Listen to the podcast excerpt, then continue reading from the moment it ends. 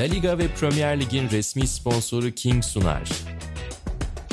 Sokrates ekibi unutamadığı gol krallarını Seni Çok Özledik serisiyle anıyor.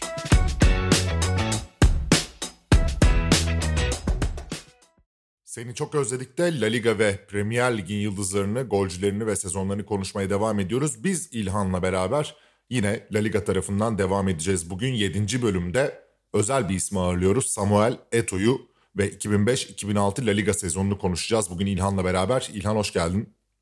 Selamlar Onur.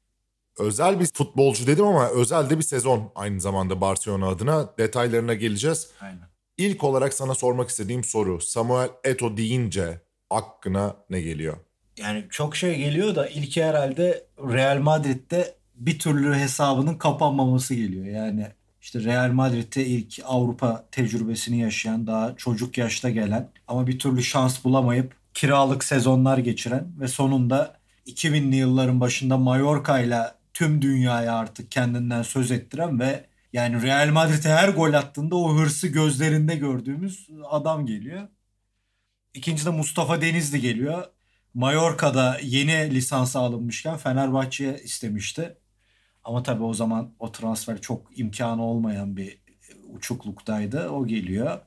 Inter'de bildiğimiz Eto'nun çok dışında sol kanat gibi zaman zaman hatta Barcelona eşleşmelerinde defansif yönüyle maç kazandıran bir futbolcu geliyor. Yani Drogba mı Eto mu dendiğinde ben Drogba demiştim bizim programda da. Çünkü benim o tırnak içinde hayvan forvet tanımıma Drogba daha çok uyuyor ama komple bir futbolcu olarak da e, hani Afrikalıların Veah'la başlayan dünyaca ünlü Afrikalı hücumcular düşündüğümüzde Eto herhalde komple futbolcu olarak diğerlerinden ayrılabiliriz ki Veah da öyleydi. Drogba da öyle elbette ama Eto'nun hem stiline baktığımızda hem de Inter'deki rolüne baktığımızda yani yıldızlıktan parça oyuncu da olduğunda maç aldırabilen oyuncu olması açısından önemli bir oyuncuydu tabii.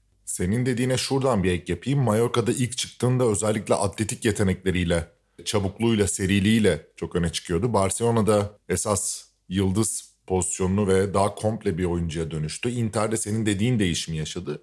Türkiye'de hatırladığımız Eto ise kariyerinin sonunda artık kırklarına merdiven dayamış Samuel Eto da Antalya Spor olsun, Konya Spor olsun benim gözümde mahallede halı saha maçlarında belli bir futbolculuk geçmişi olan top ayağına geldiğinde gerçekten ne yapacağını bilen ve etrafındaki çocukları da ona göre oynatan bir mahalle abisi gibi de takıldığı bir süreç var. Aslında bütün o süreci beraber yaşadık. Ee, yaşımız ona yetti neyse ki ve Eto'daki bütün o değişimleri görmek buna rağmen en azından iş etiğine ve iş ahlakına da yaklaşık 20 yıl boyunca sahip kaldığını ve sahip çıktığını görmek benim adıma daha bir saygıdeğer pozisyona sokuyor kendisini diyelim ve 2005-2006 sezonuna dönelim. Yine önce sezonla ilgili bir bilgi vereyim.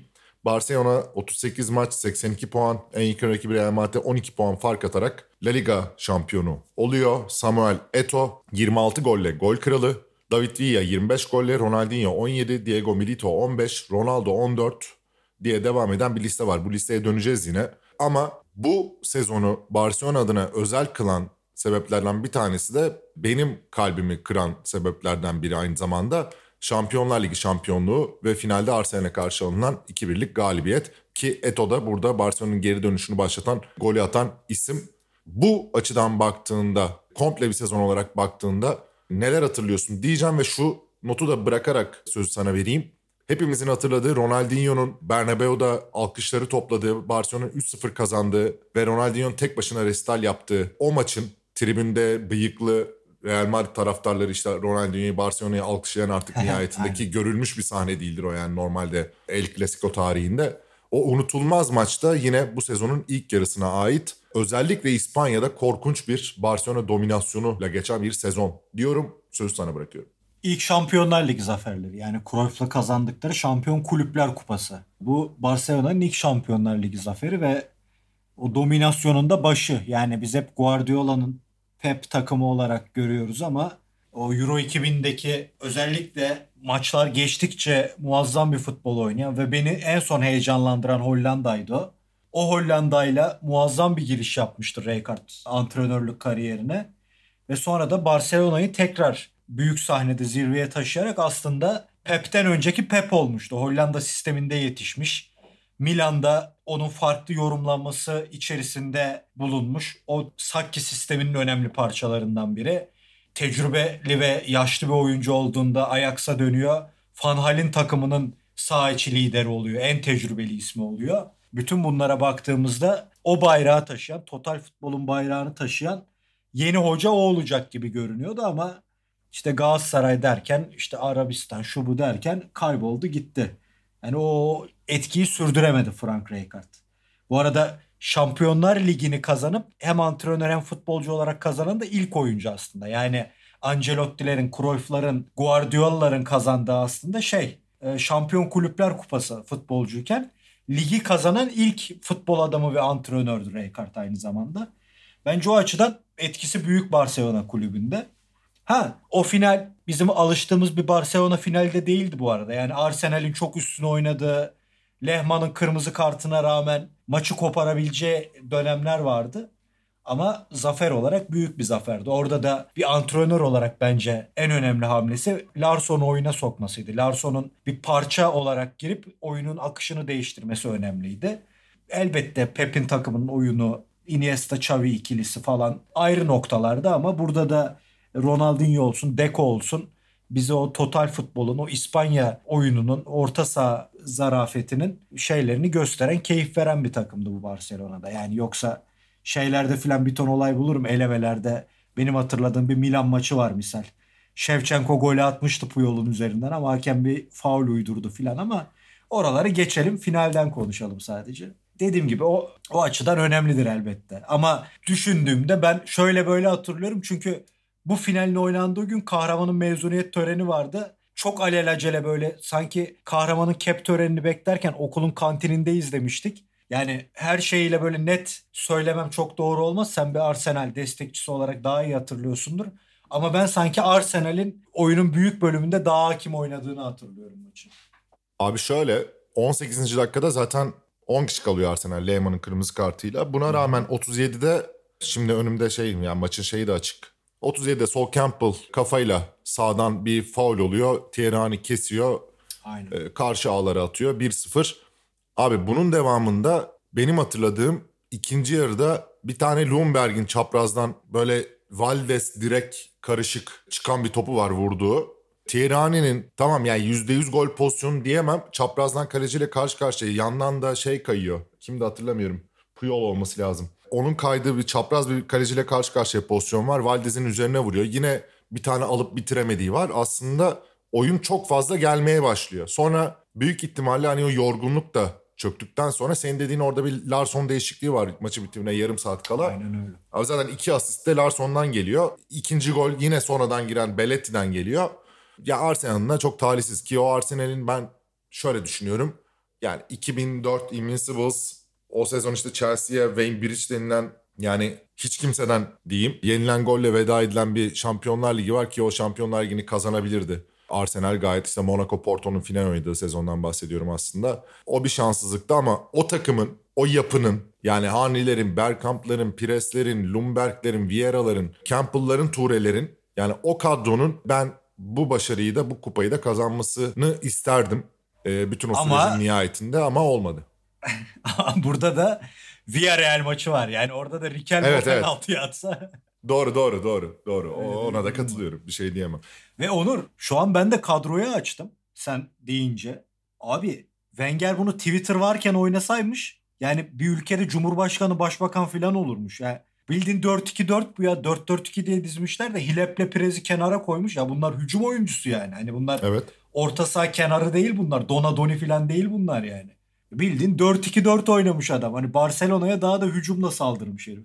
E Zaten 10 kişiyken bile o kadar pozisyonu bulması yani tamam kontratak arıyorsun sonuçta eyvallah da yani hem buna uygun oyuncuların var hem de kafanda demek ki o kaleye gitmek var. Yani en azından onu Tabii. hissedebiliyorsun. Buradan dönüyorum bıraktım Arsenal'e Eto'ya dönüyorum. Abi ben şimdi oturdum baktım tekrardan ya podcast yapacağız oturup inceleyelim bir daha dedim. Gollerini izledim.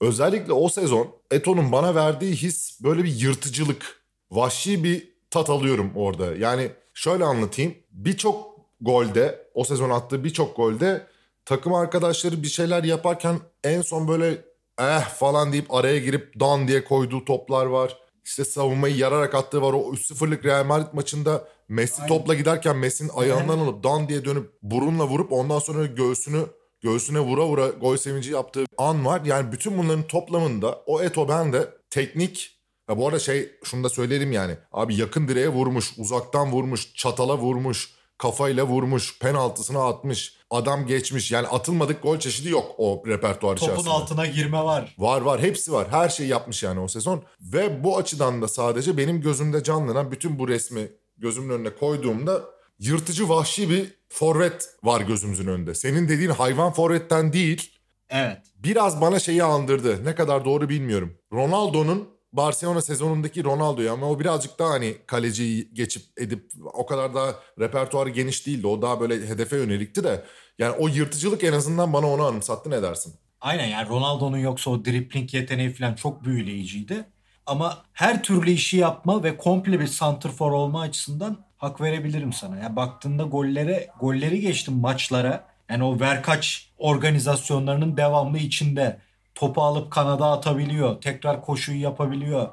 Dediğin gibi Messi ya da Iniesta ceza sahasına koşu yaptığında onların anını kollayıp tekrar son vuruşu yapabiliyor.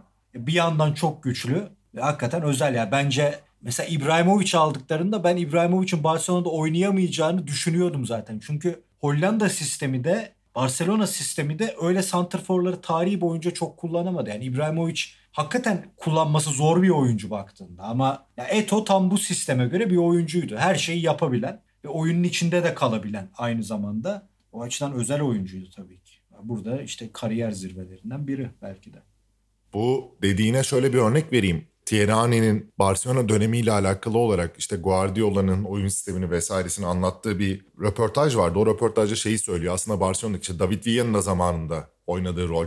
Tabii. Henry'nin de oynadığı rol. Messi'nin de oynadığı rol. İşte kanatları açılan, kanatlarda topu alan ve oradan oyun kuran ve o tarafta kendini unutturan ya da içeriye kat eden forvet tipi aslında Rijkaard'ın Barcelona'sında bunun ayak izlerini ufak ufak görüyorsun. Evet Eto en uç oyuncu ama mesela o Arsenal finalinde Larsson oyuna girdikten sonra ilk gol zaten Eto'nun kendini taç çizgisine attı. Taç çizgisinden topu verdikten sonra içerideki oyuncu Beck galiba öne çıkan Beck Larsson'u buluyor ceza sahası içerisinde. Eto o topu verdikten sonra taç çizgisinden yardırarak ceza sahasına doğru gidip Verkaç'la beraber yani Verkaç'ı daha doğrusu o vermiyor da Larsson'dan aldığı topla beraber çaprazdan girip tak diye köşeye bırakıyor yani Almunya'nın yanından.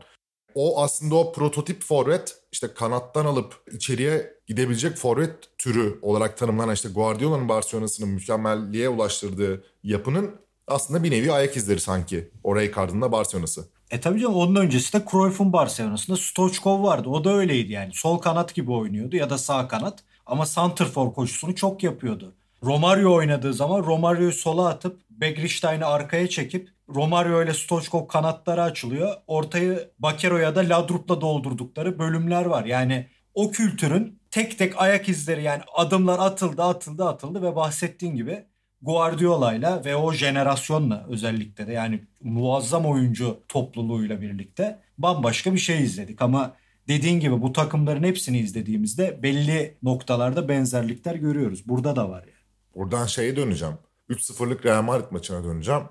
Maçın özetine bir daha baktım. Yani 2-0'a kadar sahada Real Madrid diye bir takım yok. Önce onu söyleyeyim net bir şekilde. Hiç tartışmadan söyleyebileceğim bir durum bu. Diğer taraftan da şöyle söyleyeyim. Ben herhangi bir El Clasico 5-0'lık maçlar var. İşte ne bileyim iki takım adına da falan falan ama yani şu kadroyu bir okuyayım sana. Casillas, Salgado, Roberto Carlos, Ramos, Helguera, Zidane, Pablo Garcia Lopez, David Beckham, Raul Gonzalez, Ronaldo, Robinho, yedekten Guti ile Baptista girmiş. Yani bayağı takım bu diye bakarsın. Paramparça etmişler ya. Ya paramparça etmişler. Ronaldinho'nun sol kanattan zaten Ramos'un falan düğümlemiş geçmiş. Ramos'u bitirmiş yani. İnanılmaz bir performans görüyorsun orada ve orada maçın İngiliz spikerler anlatıyordu izlediğim özeti. Şey işte Messi bir tane karşı karşıya çaprazda kalıyor kaçırıyor falan. Bir pas pardon sayılmayan bir golü var Messi'nin. Offside'da diye. Cihaz dışından böyle şandel bir top atıyor karşı ağlara. Spiker falan şey diyor. Bu da çok iyi oyuncu ya falan filan diye böyle hani yani bilmiyor baba daha ondan sonraki 15 sene neler olabileceğine dair tabii ki bir fikri yok. Barcelona'nın o kadrosu da isim isim baktığında şöyle işte Victor Valdes, Rafael Marquez, Carles Puyol, Edinson. Hadi burada Ole Guer var. Ole Guer'i at. Xavi, Ronaldinho, Giovanni Van Bronckhorst, Deco, Eto, Messi, Iniesta falan giriyor kenardan. Yani saçmalık düzeyinde bir kadro aslında bu da. Aynen öyle. Yani Juli filan isimsiz kalabilir ama Juli büyük bir çıkış yapıp zaten Monaco'da transfer edilmişti yani. Benim kendisiyle bir hesabım vardı. Bunu Alain Gires'e benzetirlerdi. Ben de kızardım. E benziyor ama tip olarak. Isınamamıştım. Tipi benziyor evet. Oyun stilinin ilgisi yok ama. ama şey ya şöyle diyeyim. Sen NTV Spor döneminden çok daha iyi biliyorsun. Barcelona Türkiye'nin en meşhur takımıydı yani. Tabii canım. Ve işte hani bir şarkı vardı ya Lumbebebe Rumpapa ya ra Barcelona evet. falan diye böyle bir klip dönerdi. Abi işte bu takım yani o o popülerliğin tohumlarını abi bu takım attı. O maçlar attı. Real Madrid'e harcadıkları Ronaldinho'nun performansı, Şampiyonlar Ligi'ndeki bu zafer. Yani Rijkaard'ın takımına cidden yıl, bundan 20 yıl sonra hep Guardiola'nın Barcelona'sı hatırlanacak gibi geliyor bana ama bence ışığı yakan takım buydu cidden. Yani çok dünyada Barcelona'nın şöhretini tekrar zirveye manşetlere taşıdılar. E zaten şöyle düşün. NTV Spor'un 2008'de kuruluyor. E zaten Guardiola'nın işte 2008 Barcelona'sı ile başlayan bir yolculuktan bahsediyoruz genel olarak. Benim de işte hatırladığım zaten NTV Spor'un çıkışı 2011, 2012, 2013 yani kanalın zirve dönemi La Liga'yı yayınladığı dönem Barcelona'nın dünya futbolunu alt üst ettiği bir dönem. Tabii. Yani El Clasico'ya daha hani şu anda nasıl anlatayım Türkiye içindeki maçlara bile bazen spiker, muhabir falan gitmez veya yorumcu. Biz Barcelona'ya, Madrid'e falan işte Ercan abinin, Rıdvan Dilmen'in falan oraya gidip oradan anlattığı dönemler falan ya yani öyle bir ilgi vardı. Hani o şekilde açıklayayım ben sana durumu. Saçmalık derecesinde bir kavga vardı yani. Oradaki işte ondan sonra Mourinho'nun gelişi vesairesi falan falan bütün o dönemi aslında birebir yaşadık. Bu sezonu NTV göstermişti ama değil mi? Yani biz bu maçları izledik çünkü NTV Spor daha ortada yokken bile. Tabii canım. NTV'dir işte o zaman. TRT mi göstermişti NTV mi? Yani bu Ronaldinho'nun alkışlandığı maçı falan izledik işte şeyden. NTV olması lazım ya. NTV'dir. Evet olabilir. Düz NTV'dir yani o zaman tabii kanal Aynen. yoktu. Bu arada bu sezona döneceğim ama Eto ile alakalı şunu söylemek istiyorum. 2008-2009 işte Guardiola'nın işbaşı diyelim yaptığı sezon Barcelona Numancia mağlubiyetiyle başlıyor lige. Sonra içeride Racing Santander'le 1-1 berabere kalıyorlar ve sorgulanmaya başlıyor tabii ki yani haliyle. Bunun devamında Gion'u yeniyorlar. Betis'i yeniyorlar. Abi Espanyol deplasmanına çıkıyor Barcelona ligin 5. haftasında. Maçta 1-0 yenik durumdalar. 75'te Thierry Henry atıyor. Yanılmıyorsam orada 90. dakikadaki pozisyonu alan Eto'ydu diye hatırlıyorum. Abi şunu unutmuyorum. Maç bitecek. Adam belki 5. haftada 3. puan kaybı yapacak ve hani tamamen belki de ipi çekilecek falan yani. Abi Guardiola'nın o, o takımı dahi 90 artı 1, 90 artı 2 neyse artık tam hatırlamıyorum zamanında. Abi orada bile pas yapıyorlardı. Hala pas yapıyorlardı. Aynen öyle. Aynen öyle. Yani hiçbir şekilde o şeyden vazgeçmeden yani abi bir uzun vurun ya. Yani şişirin bir şey yapın. Maçı izlediğimi hatırlıyorum. Hatta Blue'a falan o, maç, o maçtan sonra yazı yazmıştım yani bununla ilgili. Abi kesinlikle ben çıldıracaktım ekran başında. Abi nihayetinde en sonunda o şekilde bir pozisyon buldular ve maçı aldılar abi. Yani, yani o dönemde mesela Eto'nun aldığı bir penaltıydı diye hatırlıyorum ben onu. Yanlış da hatırlıyor olabilirim ama yani bu kadro ve bu yapı aslında dediğin gibi Rijkaard'la başlayan, Guardiola ile devam eden, sonrasındaki isimleri kenara koyuyorum Messi ile devam eden diyorum. Yani orada çok bir hocalık bir durum yok. Olmadığını da zaten Messi de bence kabul ediyordur yani. Ama bir 15 seneden bahsediyoruz. Bu 15 senenin aslında işte ilk büyük imza sezonu da bu muhtemelen. Tabii canım önceki sene de Forlan'la birlikte şeyde gol krallığında. Forlan da bence İspanya futbol tarihinin önemli yabancılarından biri o performans vermesi açısından. Ama yani 2004-2005 üstüne 2005-2006 ve o sisteme çok uygun bir santrfor olması bence onu Barcelona tarihinde önemli bir yere koyuyor. Mesela Inter'de böyle değerlendiremiyorsun. Bambaşka bir şeydi Inter'de. Yani o Inter'in oyun tarzı marzı daha ilginç bir şeydi. Ee, net bir santrfor değildi. Abi zaten Inter'de Barcelona eşleşmelerinde neredeyse kanat bek oynuyordu abi adam. Tabii tabii aynen. Bayağı kanat bek oynattı yani Mourinho noktada onu. Dönüyorum buradan gol krallarına yani gol krallığı listesine dönüyorum.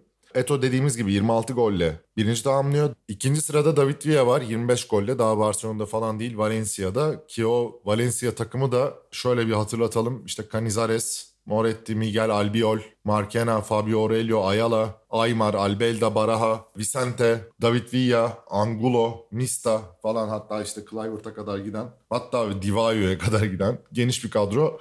E, onlar da ligi 3. sırada bitiriyorlar zaten. Ki şeyi de hatırlatalım. Yani Barcelona 82 puanla şampiyon. İkinci Real Madrid 70, üçüncü Valencia 69, dördüncü, beşinci Osasuna ve Sevilla'da 68'er puanla. Çok yakın geçmiş Şampiyonlar Ligi yarışı diyeyim. 17 golle Ronaldinho var 3. sırada. 15 golle Diego Milito ismiyle tanışmaya başlıyoruz Zaragoza'da. Ronaldo Real Madrid adına 14 gol atmış. Fernando Baiano var eski kulelerden. Celta Vigo'da 13 gol. Torres ikinci çıkış sezonunda Atletico Madrid'de 13 golle. Riquelme 12 gol ki biraz önce o yarı finalden bahsettik. Onun da kariyer sezonlarından bir tanesi aslına bakarsan. Zaragoza'da bir diğer Brezilyalı Everton'un 12 golü var. Sen bu isimlerden herhangi biri için bir şey söylemek ister misin ayrıca? İsterim. David Villa çok ayrı bir yere koydum. Stilini çok beğendiğim, çok çok takdir ettiğim bir forvetti. Çünkü İspanya'nın Dünya Kupası'ndaki yürüyüşüne baktığımızda eyvallah yarı finalde Almanya'ya top göstermediler. Finalde Robben'e şükretsinler falan diyoruz da özellikle grupta İsviçre'ye yenilmişlerdi galiba ilk maçta. Ondan sonraki ikinci turda Şili'ydi galiba eledikleri. Oralarda bile grup artı ikinci turda takımı sırtlayan yani İspanya'nın o tarihin en büyük zaferinde bence yarı finale kadar en önemli rolü oynayan oyuncuydu. Dediğim gibi çok beğendim bir oyuncudur. Çok beğendiğim bir forvettir. Onu da hakkını yemeyeyim yani. Ben belki Samuel Eto'dan daha çok seviyorumdur, beğeniyorumdur David Diego Milito'yu ben hiç beğenemezdim. Bunun kardeşi vardı hatırlıyorsun. O da çabuk bir Gabriel. stoperdi böyle. Gabriel. O Barcelona falan gördü. oynardı. Sonra Barcelona gördü aynen. Ben ondan daha umutluydum ama Milito'nun şansı Mourinho gibi bir ilgince denk gelmesi oldu. O Inter'de bence hayatının sezonunu yaşadı yani. O bir buçuk sene adamı efsane statüsüne koydu neredeyse. Şampiyonlar Ligi. Münih'e attığı gol, o topa yatışı, Aynen. uzak köşeye bırakışı falan ustalık iş tabii.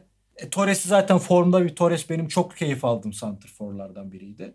Riquelme ilginç bir oyuncu. Riquelme Avrupa'da bence yani herkes Boca dönemini izleyip coşuyor. Avrupa'da çok yetenekli ama ya ağırın da ağırı oynardı ama Villarreal'de o sinerjiyi yakalamıştı, o uyumu yakalamıştı takımla ve yarı finale kadar da gitmişlerdi. O açıdan önemlidir tabii. Ama dediğim gibi yani ben bu golcüler arasında David Villa'yı bambaşka bir yere koyarım. Bayılırım. Bu arada yani Barcelona'ya daha gönül vermiş bir insan olarak biraz önce o Diego Milito'nun yatarak Bayern Münih finalinde attığı golden bahsettin. Abi o final Bernabeu'da oynandı. Barcelona'nın en yüksek, en hype dönemlerinden bir tanesi. 90. dakikada kimdi hatırlamıyorum. Boyan'dı galiba. Onun vurduğu bir top faul gerekçesiyle sayılmadı rövanşta. Aynen. Kıpırdayamamıştı kaleci böyle 90'a giden bir top hatırlıyorum. Yanlışlıkla o gol verilmiş olsaydı ya da işte o İzlanda'da yanardağ patlamamış olsaydı, Barcelona belki trenle gitmemiş olsaydı Milano'ya falan falan milyon tane böyle saçma sapan hikaye var onun içerisinde ama Barcelona'nın Bernabeu'da Bayern Münih'le oynayacağı ve kazanması muhtemel bir final. Yani aslında bütün bu rekabet açısından da çok daha ekstra bir koruma getirebilirdi o sezonu ama hayat her zaman yüzünüze gülmüyor. Diyelim bu bölümü sonlandıralım. E tabii yani hayat yüzünüze gülmüyor. Milito üzerinden bir örnekle anlatayım ben. Genova'da İtalya'daki ilk tecrübesi Genova Gasperini'nin takımı. Yani düşün Gasperini'nin bugünkü forvet anlayışındaki o santrforun önemini. Orada çıkış yaptı adamcağız. Inter'e gitti ama Calciopoli'nin olmadığını düşün. Juventus'un Milan'ın yara almadığını düşün. Inter'de harcanan 1 milyonuncu oyuncu olabilirdin ama hem Mourinho'nun eline düştün hem Inter çok rahattı ligde. Bir yandan Şampiyonlar Ligi'nde bunlar denk geldi ve bambaşka seviyede anılır oldun. Yani onlar dediğin gibi futbol böyle işte. Spor böyle. Bir buçuk sezonlardan bahsederken galiba ilk bölümde bahsettiğimiz Oleg Salenko'ya da selamlarımızı bir kez daha iletelim. Aynen. Ee, umarız bunu dinleyenlerin de bu podcast'i dinleyenlerin de hayat yüzüne en az bir Milito, en az bir Salenko kadar bir buçuk yılda olsa güler diyelim ve kapatalım. 2005-2006 sezonunu ve Samuel Eto'yu bugün konuştuk. King'in sponsorluğunda La Liga ve Premier Ligi ve sezonlarını ve forvetlerini size anlatmaya devam edeceğiz. Ben Onur Erdem, İlhan Özgen'le beraberdik. Bir sonraki bölümde görüşmek üzere.